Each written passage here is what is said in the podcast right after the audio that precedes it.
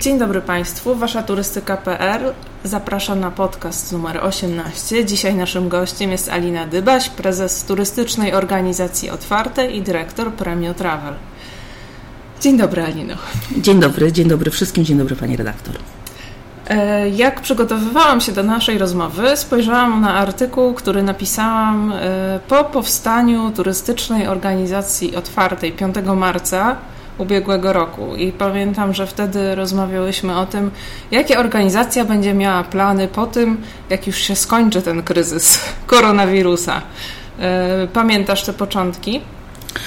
Byłoby mi bardzo trudno, inaczej, bardzo trudno byłoby mi je zapomnieć, bo były trudne, mozolne, wymagały e, wielu e, godzin poświęcenia, ale zdecydowanie tak, pamiętam.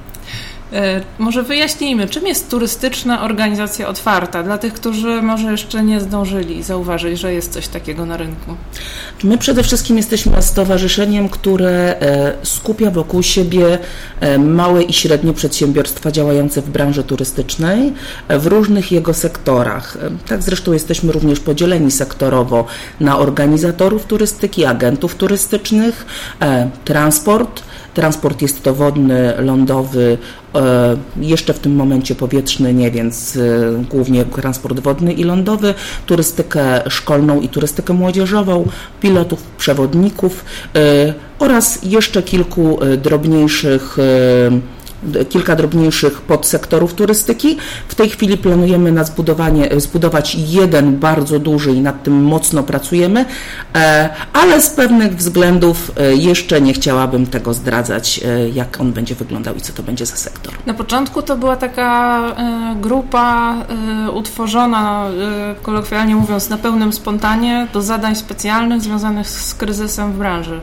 Czy udało się w ogóle wyjść poza gaszenie tych bieżących pożarów i rozpocząć jakąś działalność poza ogarnianiem kryzysu.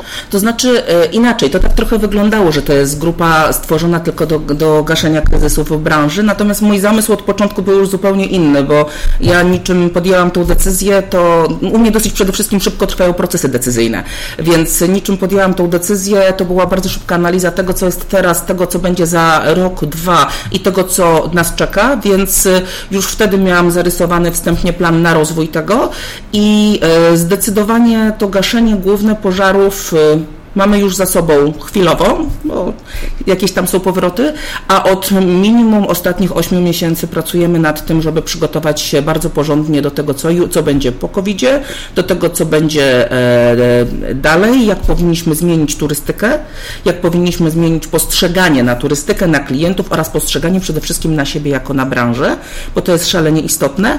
I przygotowujemy się do tego zarówno od strony merytorycznej, bardzo porządnie e, mając na uwadze ilość szkoleń, które będzie musiała przejść branża oraz od strony takiej stricte technicznej, czyli od e, weryfikacji pewnego rodzaju działań, które były do tej pory. I nie mówię o organizacji, tylko mówię generalnie o działań turystyki, tak, bo no, wszyscy wiemy, że turystyka już nigdy nie będzie taka sama, jaka była przed 2019, jeżeli ktoś sądzi, że wróci, super, każdy ma prawo mieć marzenia, natomiast y, ja należę, do, ja należę w życiu do optymistów, natomiast ten mój optymizm jest y, bardzo powiedzmy taki um, ograniczony realizmem pewnych działań, realizmem tego, co się dzieje i uważam, że należy bardzo na bieżąco analizować to, y, jak to może docelowo wyglądać. Także my zdecydowanie jesteśmy w fazie jakby wychodzenia z kryzysu, to jest w tym momencie jedna trzecia działań, a dwie trzecie działań to jest to, co będzie się działo potem, to jak my musimy być przygotowani, to, co będzie się przede wszystkim działo z kadrami turystyki, to, co będzie się działo z organizatorami i również z tym, że e, wiele osób z branży nikogo nie chciałabym urazić, natomiast Sama może zacznę od tego, że o sobie w ten sposób powiem, to nikogo nie obrażę. Ja jestem 22 lata w branży i czasami czuję u siebie funkcję tak zwanego leśnego dziadka, czyli bo 20 lat temu. Nie, nie, nie. Właśnie to jest coś, co trzeba wyrwać z korzeniami. Najpierw z siebie, a potem z innych, bo to 20 lat temu już nie zadziała. No, ale nie, nie możemy wyrwać z korzeniami doświadczeń. Doświadczeń nie ale spojrzenie możemy wyrwać, bo jakby doświadczenie jest szalenie ważne w tym, jak działamy w, naszej, w naszej wiedzy e, o e, świecie, o turystyce, w naszej wiedzy o ludziach, ale jednak model ekonomiczny życia społecznego się zmienia, więc musimy wyrwać z siebie te postrzeganie turystyki z 98 roku, i przejść do 2022, 2023, 2024, bo zmienia się nie tylko turystyka pod względem tego, że ludzie inaczej podróżują, ale też pewnego rodzaju modele się zmieniają. Klienci są bardziej świadomi. A jak się zmieniło Twoje postrzeganie działalności społecznej i prowadzenia organizacji? Bo jeszcze wrócę do tych początków e, sprzed ponad półtora roku. Gdy rozmawiałyśmy, to odnosiłam wrażenie, że turystyczna organizacja otwarta idzie na takiej fali entuzjazmu do działania ludzi, którzy nagle po prostu znaleźli się w takiej sytuacji, że muszą działać. I mówiliście, że statut to napiszemy później, składki są niepotrzebne, działać będą e, ludzie, którzy są zaangażowani, jeden będzie e, od autokarów, drugi będzie od agentów. Jak życie zweryfikowało ten taki pierwotny hura na barykady, e, optymizm w wprowadzeniu tego typu organizacji? Znaczy, u mnie życie zweryfikowało bardzo szybko. Ja nadal jestem e, za tym i jakby nadal promuję to, że hura i na barykady, bo, bo ja tak mam i nic tego nie zmieni. Nadal jest koło mnie grupa ludzi, która powiedziałabym, że jest trochę nawet bardziej niż ja Spontaniczna. Spontaniczna może nie, ale taka ideowa, mhm. bo my, ja myślę, że możemy spokojnie powiedzieć, że organizacją jesteśmy ideowcami. Mm, zaraz wytłumaczę dlaczego. Oczywiście e, to wszystko, ta grupa ludzi, która rozpoczęła i ta grupa ludzi, która trzyma w ryzach każdy z tych, e, z, z tych odłamów, E, są to ludzie, którzy się nie zniechęcili. Owszem, mamy lepsze i gorsze dni. Mamy taki dzień, że czasami ktoś mówi, ja teraz dwa tygodnie odpadam, bo, bo mam swoją robotę, albo bo jestem psychicznie wykończony. Ja niestety sobie na to nie mogę pozwolić, ale e, ta grupa, która pokazała na początku ten entuzjazm jest, oni się nie wypalili, oni się długo nie wypalą.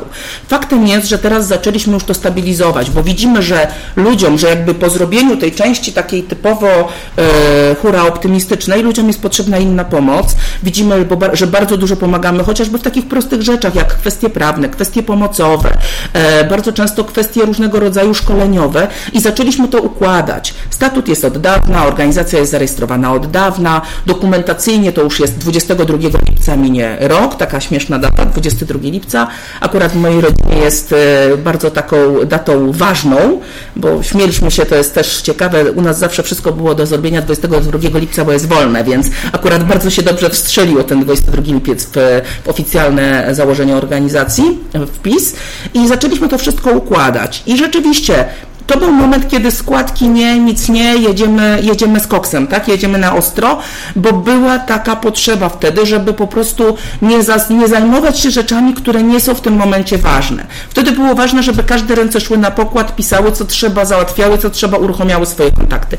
W tej chwili Ważne już jest to, żeby ci ludzie mieli narzędzia do pracy, profesjonalne narzędzia do, do pracy. To są ludzie, którzy chcą dalej prowadzić organizacje, którzy dalej chcą zmieniać świat, a chciałam przypomnieć, że my zmieniamy świat trochę inaczej, bo my jesteśmy poza wszelkimi okładami. I my się tak naprawdę niczego nie obawiamy, nam nic nie zagraża, więc e, idziemy zgodnie ze swoją intuicją i przede wszystkim z literą prawa.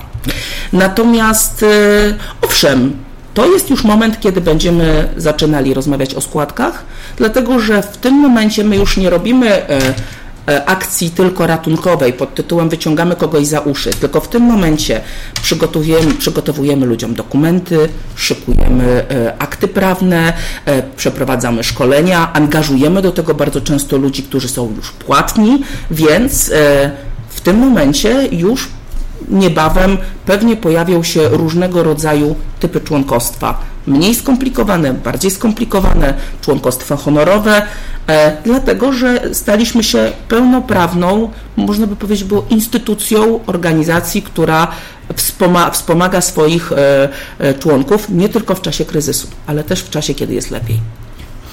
To jak do tej pory finansowaliście działalność? Zrzutka.pl? Zrzutka.pl była raz w czerwcu tego roku, albo w maju, nie pamiętam, mhm. jest ten, z moich pieniędzy. Z, pie... z, moich własnych pieniędzy i ze środków e, moich oraz Zuzanny Sprychy, która jest wiceprezeską zarządu. Wszystko robiłyśmy same za własne pieniądze. E, zatrudniacie kogoś, czy jest to nadal działalność po prostu społeczników? Nie, mamy jedną osobę, która jest zatrudniona, ona jest e, pozostała po stażu z Urzędu Pracy. E, była już nam potrzebna tego typu osoba, bo jednak społecznictwo to jest jedno, ale my też musimy z czegoś żyć. I ja nie ukrywam, że mi organizacja w tej chwili pochłania de facto 99% mojego życia, więc ja, a też muszę z czegoś żyć, więc mamy taką jedną osobę, która ogarnia sekretar, można by powiedzieć sekretarza, bo sekretarka to nawet nie, to jest taki sekretarz, e, jest taka, jest taka osoba, natomiast myślę, że jeżeli wszystko pójdzie zgodnie z planem, który mamy przygotowany, to, to do końca przyszłego roku powinniśmy mieć już normalny skład e, zawodowo pracujący na rzecz członków organizacji. A jaka jest proporcja między firmami, które są zapisane na papierze jako członkowie organizacji, ile ich jest, a tymi, którzy aktywnie robią cokolwiek? E, osób zapisanych jest 1412, to rotuje. E, wiele z tych osób również trzeba wziąć pod to, że jakieś 15% to są bardzo często z jednej firmy osoby powtarzające się, tak? E, natomiast te, które aktywnie działają, to jest 10%. To jest 10% to takich tak aktywnie działających. Ponieważ my ich, jakby to powiedzieć, dość mocno motywujemy. W tym momencie już jest tak, że jeżeli coś chcecie, no to musicie wziąć w tym udział, tak? Mamy, powstały, powstały u nas oddziały terenowe, które działają szalenie ambitnie. Nie ma jeszcze tych oddziałów dużo. W tej chwili takim oddziałem, e, który, oddziałem, który był w ogóle pierwszy, to był Gdańsk. E, bardzo jego prowadzi Ania Lat z Wiesiem Niechwiedowiczem. Oni są, oni są po prostu jednorazowi. E, bardzo, bardzo, bardzo mocno działają. Wiadomo, że teraz w sezonie trochę wszystko przycichło, bo ludzie zaczęli zarabiać pieniądze, więc też nie można, e, nie można ich męczyć zadaniami. Druga to jest Dorota Gumiska-Klara i jej, jej, jej część zachodniopomorska. Jest to szalenie ważny element organizacji, bo jest to taka część głos zachodu, szczególnie jeśli chodzi o kwestie szarej strefy bardzo mocno działa. No i e, taka nasza perełka, e, która również zajmuje się mediami społecznościowymi, to jest Łódź. E, I to jest Agnieszka Szymańska, Jacek Rybski i Michał Scherer. Oczywiście jest jeszcze, jest jeszcze, jest jeszcze południe z Michałem Mazurowskim, z Agą Kołtunowicz. My, my generalnie mamy te, u nas w ogóle wiele osób jest u nas, jest też w innych organizacjach, my nie mamy z tym problemu, tak? Dla mnie najważniejsza jest jedna rzecz i to jest coś, co zawsze mówimy na zarządzie, z zarządem, zawsze to wymieniamy z kolegami z Polskiej Rady Turystyki, to jest Marcinem Wójcem, często to podnosimy. Nieważne gdzie jesteś, zapisz się gdzieś. Zapisz się gdzieś, żebyś, jeśli nawet nie wspierasz wiedzą, to wspieraj tym, że jesteś, że jesteś, że jesteśmy więksi, mocniejsi, etc. Tak? Także e, tak to wygląda na chwilę obecną. Jak to się zmieniło w branży przez ten czas kryzysu? E, wzrosła aktywność, zmalała? Czy ludzie się zniechęcili, czy wręcz przeciwnie? Falami. To mhm. jest tak, że wszystko zależy w, w którym momencie, w, w którą jakby gałąź pójdzie, e, w którą gałąź branży pójdzie bomba. No i wtedy się zaczyna, tak? Jak pójdzie w turystykę szkolną i młodzieżową, to wtedy jest hej, hura, awantura, e, to tak mniej więcej wygląda. Wtedy wszystkie ręce z turystyki młodzieżowej na pokład. Tutaj temu przewodzi Ania Ptak, która mm, wielki szacun za to, co robi. E, jest, myślę, że jedną z najbardziej dociekliwych osób e, poza panią redaktor, które znam i, i potrafi skutecznie wiercić dziurę w brzuchu, żeby uzyskać efekty, więc e, jak pójdzie w, idzie w organizatorów lotniczych, to wtedy się tutaj jest ta mobilizacja, jak pilotów, przewodników, to, to, to jest falami, bo wiadomo, że też ludzie potrzebują czasami wrócić do normalności. I wtedy dzieje się spokojnie, wtedy sobie szykujemy jakieś szkolenia, wtedy pracujemy na przykład nad tym, nad ewentualnym drobnym przebranżowieniem, bo my bardzo nakłaniamy, ja wiem, że w tej chwili pewnie będzie fala hejtu na mnie, ale ja mimo wszystko zawsze nakłaniam, żeby robić przebranżowienie. I nie chodzi mi o przebranżowienie z tego, żeby nagle przestać się zajmować turystyką. Nie, żeby znaleźć sobie małą drugą nogę w biznesie, która jeżeli zadzieje się coś znowu na świecie, a wszystko wskazuje na to, że nieprzewidywane są e, tak tego typu stany, żeby nie paść na kolano, tylko żeby się po prostu nawet na trochę kulawej nodze, ale na chwilę oprzeć. I to nie dlatego, że nie ufam w to, że to wróci. Ufam. Tylko sama przekonałam się na własnej skórze, mając trzy firmy turystyczne i pracując w czwartej, że popełniłam błąd, nie mając czegoś drobnego, co jest kompletnie skupione na innej branży. Nie dlatego, że nagle straciłam dochody, tylko że straciłam poczucie bezpieczeństwa. A uważam, że każdy z nas powinien to poczucie mieć. Stąd ważne, żeby to drobne przebranżowienie robić. I szkolenia z tego, co można zrobić, mając taką wiedzę, też przygotowujemy. Mhm. byłabyś w stanie podsumować e, działalność TOO w takim z dość zwięzłym, z dość zwięzłej wypowiedzi. Jakie są najważniejsze Wasze osiągnięcia? Co, co się konkretnie udało przeprowadzić, e, z czym się udało skutecznie zawalczyć przez te lata, e, przez te miesiące? Przez te miesiące. E, to znaczy, warto też przede wszystkim, czym powiem zwięźle, to podkreślić, że no, początek był trudny, bo najpierw musieliśmy się troszkę porozpychać łokciami, żeby może nie tyle, żeby zostać zauważonym, bo nas było trudno nie zauważyć, ale żeby zostać wysłuchanym i żeby zostać e, e, wprowadzonym do momentu, gdzie ludzie się zaczynają liczyć z tym, co mamy do powiedzenia. E, co nam się udało zrobić? Punkt pierwszy i dla nas najważniejszy. Pokazać, że poza gigantami turystyki jest cała masa małych i średnich przedsiębiorstw oraz mikroprzedsiębiorstw, które żyją z tego samego i które mają te same problemy, tylko w innej skali udało nam się skupić wokół siebie bardzo dużo wartościowych e, fachowców związanych z prawem, związanych z, e, z prawem, z prawem turystycznym, z prawem ogólnym, związanych e, z gospodarką i ze szkolnictwem, dzięki którym możemy w tym momencie, to co się dzieje, przygotować proces szkoleń, które będą bardzo niedrogie lub bezpłatne. Udało nam się pozyskać ludzi, do współpracy ludzi, którzy pracując zupełnie pro bono, pokochali naszą wizję świata. I to jest dla mnie bardzo ważne, bo to dla mnie oznacza, że kierunek, w którym idziemy, jest słuszny. Jaka to jest wizja? Prawości. Ja nie chcę powiedzieć sprawiedliwości i prawości, bo to bardzo źle zabrzmi, szczególnie w moich ustach, z wiadomych e, względów, natomiast ja jestem fanem litery, przestrzegania litery prawa i trzeba to robić w turystyce. Jeżeli i braku kolesiostwa. I pokazuję to za każdym razem i mówię o tym za każdym razem. Udało nam się do, dotrzeć do momentu, w którym zostaliśmy zauważeni, wysłuchani i e, nie, nie, mówię w tym momencie o pozwie, który czekamy, aż e, w, będzie sprawa na wokandzie w 2022 roku. Nie mówię o wszystkich protestach, dzięki którym na przykład wprowadzono autokary do tarczy 6.0. E, to już są rzeczy, które były. To jest nasz sukces, ale to jest sukces wypracowany też wspólnie z autokarami 2020. Ja jestem bardzo daleka od tego, żeby powiedzieć, jak co niektórzy my, ty o zrobiło. Tylko turystyczna organizacja otwarta i prezes Alina Dybaś jest jedyna na świecie, która zadziała na wszelkie zło. Nie. Nienawidzę megalomanii.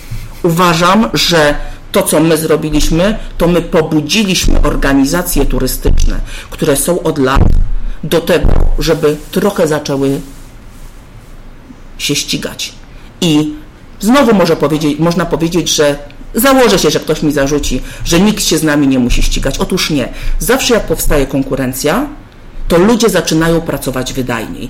To wkład, jaki dają z siebie, jest lepszy. Konkurencja powoduje, że wszyscy zaczynają się bardziej starać. I to jest nasz sukces, bo widać po naszych działaniach, że inne różne organizacje, które lubię, szanuję i uważam, że super, że są, bo wszyscy jesteśmy potrzebni, również zaczęli zmieniać bardzo swoje podejście do wielu rzeczy. I to jest nasz sukces. Ale też, gdy powstaje konkurencja, y, to y, jej uczestnicy zaczynają szukać swoich nisz i gdy słyszą może, że wy reprezentujecie małe, średnie firmy, oni bardziej walczą o interesy tych większych. No, w momencie, kiedy e, jest się w jakiejś organizacji jako mało i średnie, jest się permanentnie pomijanym, to się ucieka tam, A gdzie tak cię było? nie pominają. E, tak. Jakieś przykłady? Wolałabym nie, ponieważ uważam, że to są sprawy pomiędzy naszymi członkami i innymi organizacjami. E, u mnie podstawą jest to, że każda jednostka jest ważna. Ja nie powiem nigdy mojemu członkowi, że ja nie będę z Tobą rozmawiać indywidualnie, bo ja patrzę na Ciebie globalnie. Po prostu. Ponieważ to jest brak szacunku dla drugiego człowieka.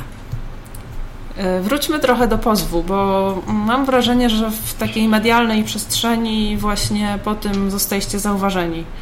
E, ile firm w tej chwili przystąpiło do tego pozwu i jakie są, jakie są wizje, szanse na wygranie tej sprawy? Teraz jest ponad 160 e, firm. Nie powiem dokładnie, bo przyznam szczerze, że ostatni raz widziałam się z panią mecenas półtora tygodnia temu, bo cały czas ktoś spływa. Teraz też jest okres letni, w którym no, ludzie zarabiają pieniądze i starają się jakoś y, odbić od dna. E, w 2022 roku będziemy mieć, y, mamy zaplanowaną rozprawę, e, no natomiast tak jak wiadomo, premier Morawiecki złożył do e, Trybunału to dokument. To może wyjaśnijmy pokrótce, na czym rzecz polega, dla tych, którzy może nie wiedzą, że istnieje taki pozew. Znaczy, my złożyliśmy bardzo specyficzny pozew, bo my nie, zwróci, nie złożyliśmy pozwu o wypłatę nam odszkodowania, tylko o zasadę co do wypłaty nam odszkodowania. Więc... Yy, ma to zasadnicze znaczenie w kwestii prawnej. Chodzi o odszkodowanie za lockdown oczywiście. Tak, tak. Mhm. Dlaczego to jest taka ważna różnica? Dlatego, że w momencie, w momencie, kiedy my pytamy o zasadę, to my nie mówimy jeszcze, my chcemy w tej chwili, tylko wy nam powiedzcie, czy my mamy rację. Mhm. Tym się różni zasada, tak? W momencie, kiedy jest przesądzona zasada, to tak naprawdę cała reszta jest wiadoma, jak się potoczy. E, a co z premierem Morawieckim? Bo tutaj była jakaś zagrywka z Trybunałem Konstytucyjnym, która miała jakby zlikwidować podstawy do tego pozwu, tak? Tak, tylko że e, ta zagrywka medialna wyglądała w ten sposób, że została podniesiona kwestia wypłat odszkodowania, a nie zasady.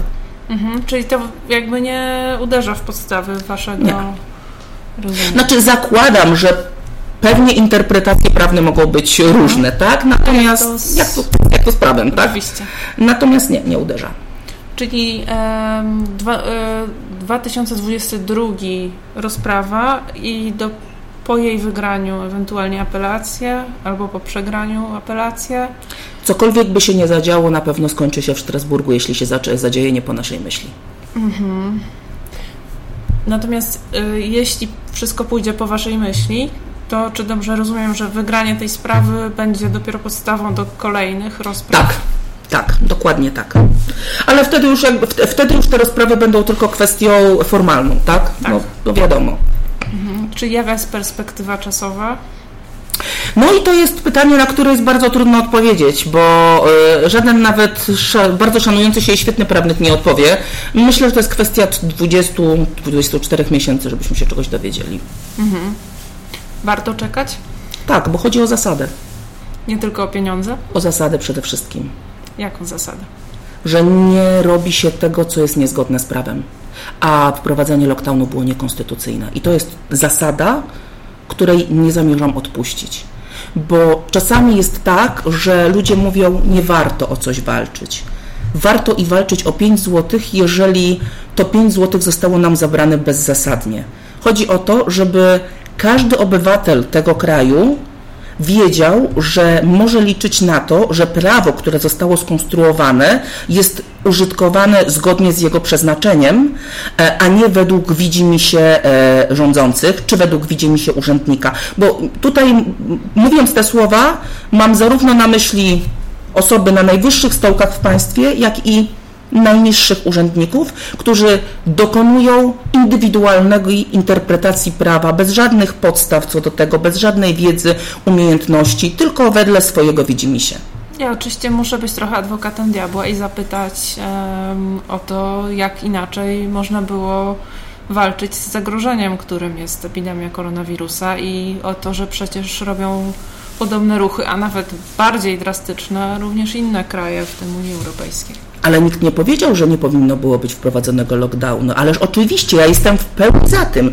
Tylko do tego, żeby wprowadzić ten lockdown, mamy trzy sytuacje wyjątkowe w naszej konstytucji zapisane. Jest to stan wyjątkowy, który nie było tutaj e, konieczności.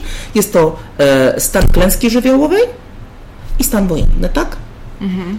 E, stan klęski żywiołowej by w zupełności wystarczył, żebyśmy w sposób absolutnie konstytucyjny zostali zamknięci, żebyśmy otrzymali w pełni odszkodowania za to, co zostało zrobione i wtedy nikt, absolutnie nikt by nie powiedział słowa, że zostało to zrobione, bo personalnie uważam, że lockdown był potrzebny, tylko powinien był być zrobiony zgodnie z przepisami prawa. To jest to, o czym rozmawiamy od początku. Ja nie mam, ja, ja nie podważam pandemii. Ja nie podważam tego, że to trzeba było zrobić, ale od tego mamy prawo i konstytucję, żeby wprowadzić to zgodnie z tym, co tam jest zapisane, a nie zgodnie z własnym widzimisię. Rozporządzenie nie jest aktem prawnym. E, teraz pojawiają się takie głosy, bo mamy już narzędzia, które się pojawiły 1 lipca, czyli certyfikaty zdrowia Unii Europejskiej.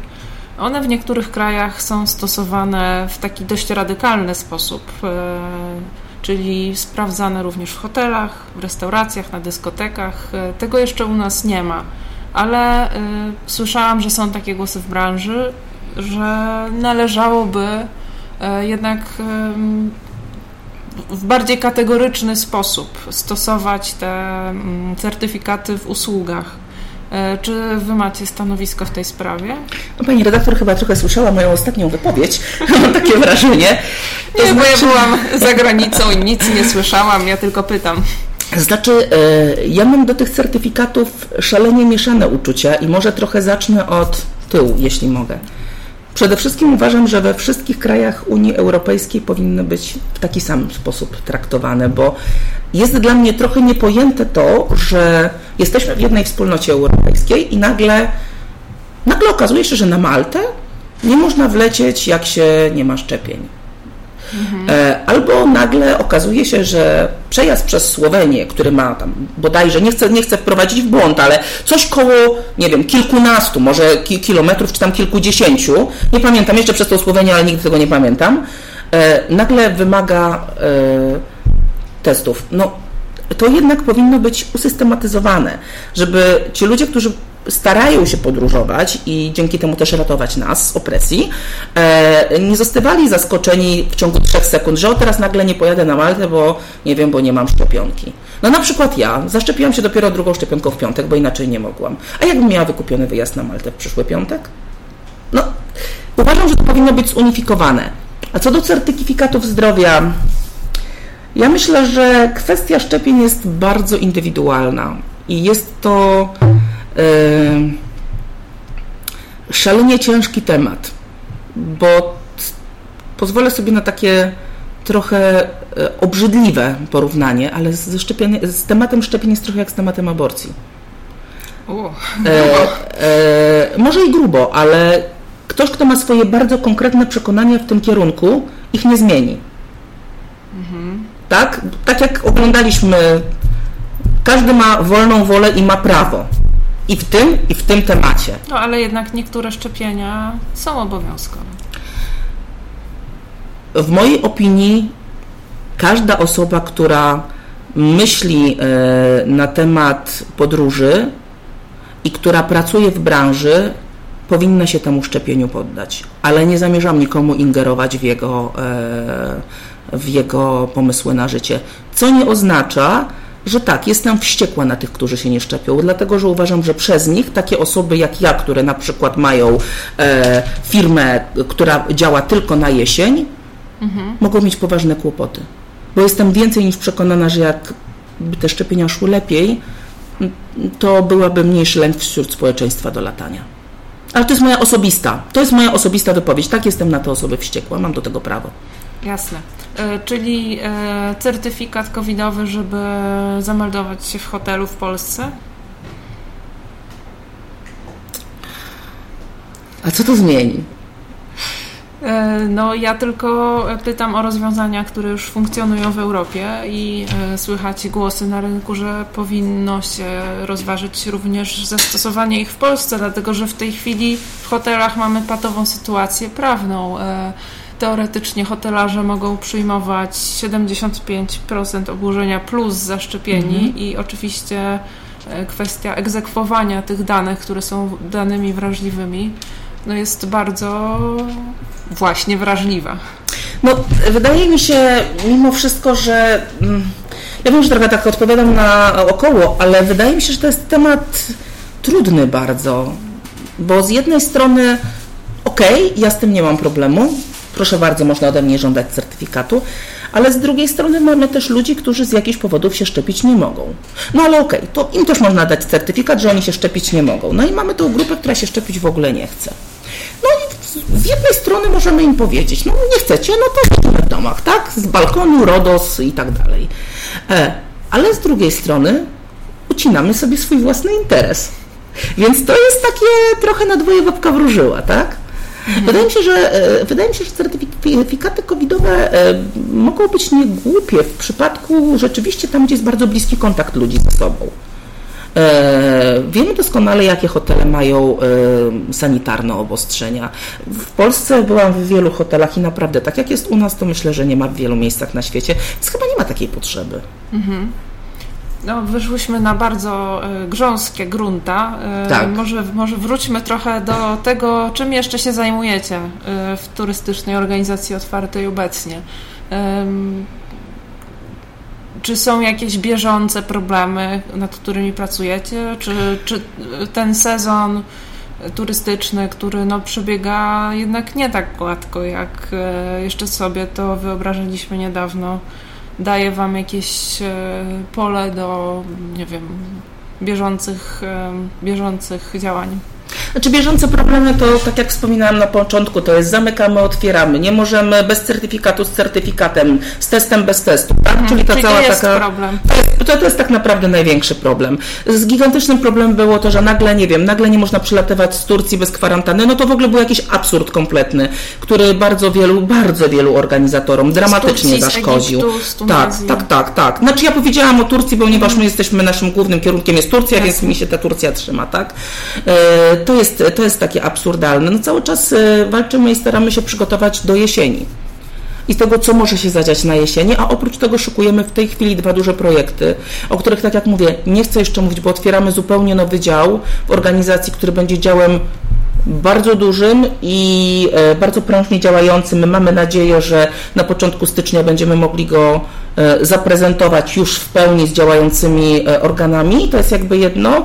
Też przygotowujemy w porozumieniu z, z, z dyrektorem Dominikiem Borkiem kilka, kilka dokumentów, które chcielibyśmy wdrożyć, więc ma, w tym momencie prowadzimy przede wszystkim działania bardzo mocno przyszłościowe, ale naprawdę nie chcę o nich mówić jeszcze. Mhm. Wiedzą, wie o nich garstka osób, może siedem. Także. A przygotowanie do jesieni, e, jak można w ogóle się przygotować do jesieni, skoro nikt nie wie, co właściwie nas czeka?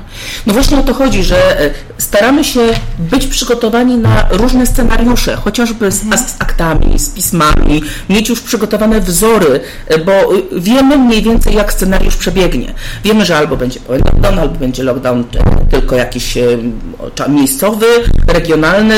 E, pytanie, czy i to jest dla nas ważne i o to się chcemy dowiedzieć i to bardzo mocno to lobujemy, żebyśmy wiedzieli, czy na przykład osoby zaszczepione będą mogły spokojnie się poruszać, spokojnie latać, spokojnie przyjeżdżać do hoteli, spokojnie podróżować. To jest dla nas bardzo ważne, bo my na przykład jesteśmy w stanie na tej podstawie, obdzwaniając swoich klientów jako mali i średni organizatorzy, dowiedzieć się i już oszacować, czy nam te samoloty polecą, czy nie. Bo jeżeli nam ktoś w tym momencie powie, że wszystkie osoby zaszczepione nie będą podlegały żadnemu lockdownowi i zakazom, no to my jesteśmy w domu. My wiemy, że tyle i tyle osób mamy, tyle i tyle osób jest zaszczepione i taki samolot szykujemy, czy tyle miejsc. To jest bardzo ważne. Więc dla nas jest ważne, żeby uzyskać odpowiedzi na to pytanie. Bardzo. Mhm.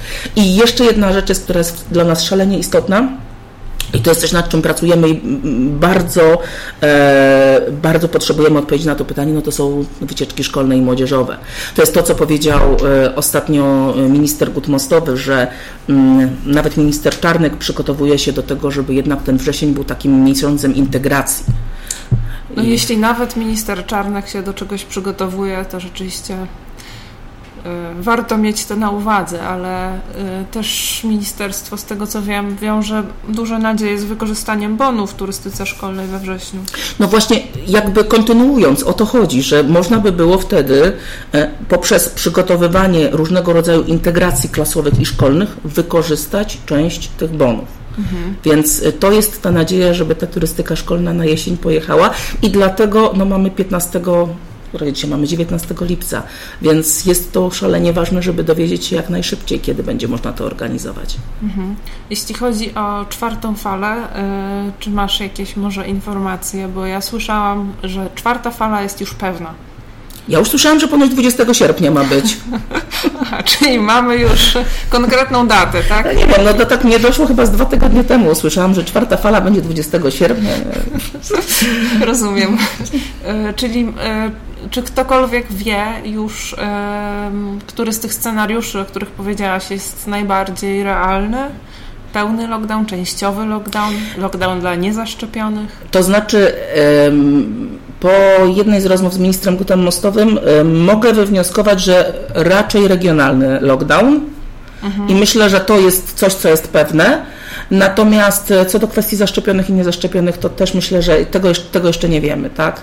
Myślę, że już, e, że też myślę, że nie ma sensu robić pełnego lockdownu, bo jakby te województwa, które są w większości poszczepione, one też będą miały mniejszą zachorowalność. Mhm. A czy y, można się spodziewać y, tego, że będą się zamykały poszczególne kraje? Śledzisz to w jakiś sposób? Śledzę to i wydaje mi się, że wiele rzeczy jest robionych na zasadzie e, o rany boskie. Że mm, z jakąś taką analizą sytuacji, z przemyśleniem to nie ma za wiele wspólnego. Mhm. Bo e, słysząc czasami komentarze, które notabene są moim zdaniem dość irytujące, że gdzieś tam wzrosło zachorowań na deltę. No tak, wzrosło. Ale zadajmy sobie pytanie, ile tych ludzi zostało poddanych hospitalizacji? Bo to, że wzrośnie, to wiadomo. Jak przyjdzie grypa, to też wzrośnie. Ale jeżeli te zachorowania wzrastają, a te osoby nie trafiają e, do szpitala i te osoby przechodzą tą chorobę w domu w miarę łagodnie, no to nie widzę większego problemu, tak? Przecież wiadomo, że ta szczepionka nas też nie uchroni przed chorobą. Mhm. Ona zminimalizuje straty, jakie może ta choroba zasiać w naszym organizmie. Więc y, wydaje mi się, że wiele rzeczy jest robionych tak na zasadzie y, rządów różnych krajów. Ja już nie mówię tylko u nas o Jezu, musimy teraz ochronić swoje plecy, bo nas obywatele zjedzą, mhm. jeśli. I cała ta pandemia tak wygląda tak naprawdę. No ostatnio wprowadzenie przez Maltę osób tylko zaszczepionych dwoma dawkami, no to już był po prostu yy, taki, taki dowcip, że głowa mała. Ale ostatnio jednak stwierdzili, że można też pójść na kwarantannę, więc nie jest źle. Znaczy, no ja tak właśnie się zastanawiam, czy by sobie na przykład na Maltę się, jako że dopiero byłam w piątek drugi raz szczepiona, czy by się nie wybrać teraz na Maltę, dwa tygodnie nie posiedzieć najpierw na kwarantannie. No w sumie to czemu nie, tak? To jest ten bałagan. Zbliżamy się już do końca. Chciałam Cię jeszcze zapytać o taką refleksję, jak e, branża turystyczna, mm, jak zmienił się wpływ branży turystycznej na decydentów, bo z tym przed pandemią było było średnio. E, czy zaistnieliśmy bardziej w świadomości tych, którzy powiedzmy rządzą, y, przygotowują akty prawne, czy wręcz odwrotnie, już mają tak dość tematów związanych z turystyką, że jest trudniej rozmawiać? E, ja myślę, że e, może znowu od tyłu.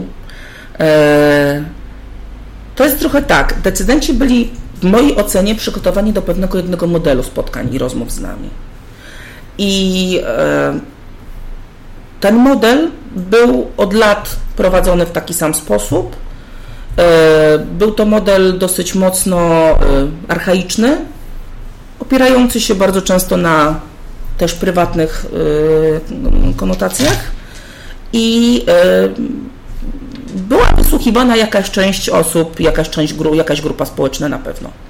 I tutaj trudno mi powiedzieć, bo też nie mogę powiedzieć, że, że, że, że nie, że się nie działo. Działo się. Działo się definitywnie, działo się w jednym kierunku. Natomiast ja zauważyłam przez te półtora roku, że rządzący zaczęli zauważać pewnego rodzaju inne spojrzenie, świeżość, e, może mniejszą dyplomację, ale za to zdecydowanie mówienie wprost i bardzo mocne trzymanie się prawa. I e, w mojej ocenie zmieniło się podejście rządzących do turystyki. Dlatego, że z jednej strony mają cały czas e, tą swoją stabilizację związaną z, z, wieloletnim procesem, które e, odbywali z, z członkami różnych organizacji wieloletnich, a z drugiej strony mają różne twory, takie jak my, czy jakby Polska Rada Turystyki, która też jest złożona przecież z wielu ekspertów, które z troszkę innej perspektywy zaczęły tą turystykę pokazywać.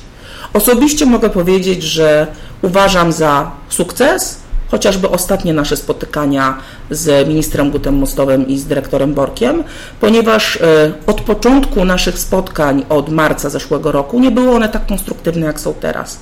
Dostajemy szybkie odpowiedzi, konkretne odpowiedzi. E, powiedziałabym, że perfekcyjne w wielu momentach i z drugiej strony dostajemy też odpowiedzi, które ja lubię. Jak coś się nie da albo ktoś czegoś nie wie, to mówi nie wiem, sprawdzę. Ja nie lubię gadania w kółko takiego, że no może się da, może się nie da. Jak już wiesz człowieku, że się nie da, to mi to powiedz. I na, uważam, że wpłynęliśmy też bardzo na to, że dostajemy my w każdym razie bardzo taki jasny przekaz. Możemy albo nie możemy. A nie, że w sumie możemy, ale patrząc przez pryzmat dziejów i soczewkę czasów, to może zaglądając z drugiej strony nie. Mhm. Tak albo nie. To jest fajne. Kiedy jest następne spotkanie? Eee, nasze, jakby, bo... bo te spotkania z, z, z panem ministrem Gutemostowym miały być chyba cykliczne. Tak, tak, ale my mamy też indywidualne spotkania, A, więc ja okay. tak zrobiłam e, na zasadzie które, tak? E, cykliczne, cykliczne tak, ale teraz ze względu na to, że jest sezon, to co dwa miesiące, tak, mhm. żeby ludzie też mieli chwilę oddechu. Jakie tematy są na tapecie? Cały czas te same na chwilę obecną. I też do końca wszystkich nie zdradzę. Nie ma takiej możliwości. To chociaż te, które można zdradzić. Albo przypomnieć, bo przecież już informowaliście o tym. E, oczywiście, że tak. E, cały czas rozmawiamy o przebranżowieniu. Mhm. O środkach na przebranżowienie cały czas dręczy nas e, kwestia również turystyki przyjazdowej, bo to jest e, bardzo poważny problem. E, cały czas my nie odpuszczamy w kwestiach voucherów dla emerytów i dla Grupy Wyszehradzkiej, to o czym ostatnio wspominałam. Jest to dla nas szalenie ważne, żeby zrobić Travel Seniora dla Grupy Wyszehradzkiej e, w sezonie e, od października do e, marca. Mhm. bo uważamy, że to by szalenie pomogło miejscom, obiektom hotelowym oraz restauracyjnym, chociażby w niezwalnianiu personelu, no i przede wszystkim również szkolenia kadr turystycznych. E, bo to jest w tym momencie bardzo poważny problem, zarówno i organizatorów, i agentów, jak i myślę, że największy mają hotelarze. Mhm. Ale my jakby hotelami się nie zajmujemy, aczkolwiek słuchając swoich kolegów z e, branży hotelarskiej, to myślę, że mają największy kłopot. To jeszcze na koniec pytanie e, o to, jak oceniasz w tym kryzysie wzmocnienie bądź osłabienie solidarności w branży? Na początku wszyscy byli bardzo zjednoczeni, a potem działy się różne rzeczy. Jak jest teraz? Żyjemy w Polsce i to chyba powinna być najbardziej słuszna odpowiedź. Gdzie dwóch Polaków, tam 12 pomysłów. E, myślę, że stoimy, jest nas wielu, wielu się zjednoczyło. Tak jak my w przypadku Polskiej Rady Turystyki jesteśmy bardzo, bardzo zwartym zespołem. E, jest nas 21 organizacji. Możliwe, że dojdą kolejne na chwilę obecną. Nie chcę mówić jeszcze też jakie, bo jesteśmy w trakcie rozmów. E, zaistnieliśmy bardzo fajnie, e, są z nami prowadzone rozmowy. Myślę, że część się dogadała, część się nigdy nie dogada. To jest życie. A ponieważ jesteśmy Polakami, no to nie oczekujmy od siebie zbyt wiele, jeśli chodzi o kwestie dogadania się. Dziękuję bardzo, e, Alino. E, na tym kończymy 18 podcast portalu waszaturystyka.pl. Przypomnę, naszym gościem była Alina Dybaś, prezes turystycznej organizacji Otwartej i dyrektor Premio Travel w Polsce. Dziękuję bardzo. Dziękuję ślicznie. Rozmawiała Marzena Markowska. Przypominam, że informacje o podcastach i archiwalne odcinki można znaleźć na naszej stronie www.waszaturystyka.pl, w naszych kanałach społecznościowych i popularnych serwisach streamingowych, a na kolejny odcinek zapraszam w przyszłym tygodniu.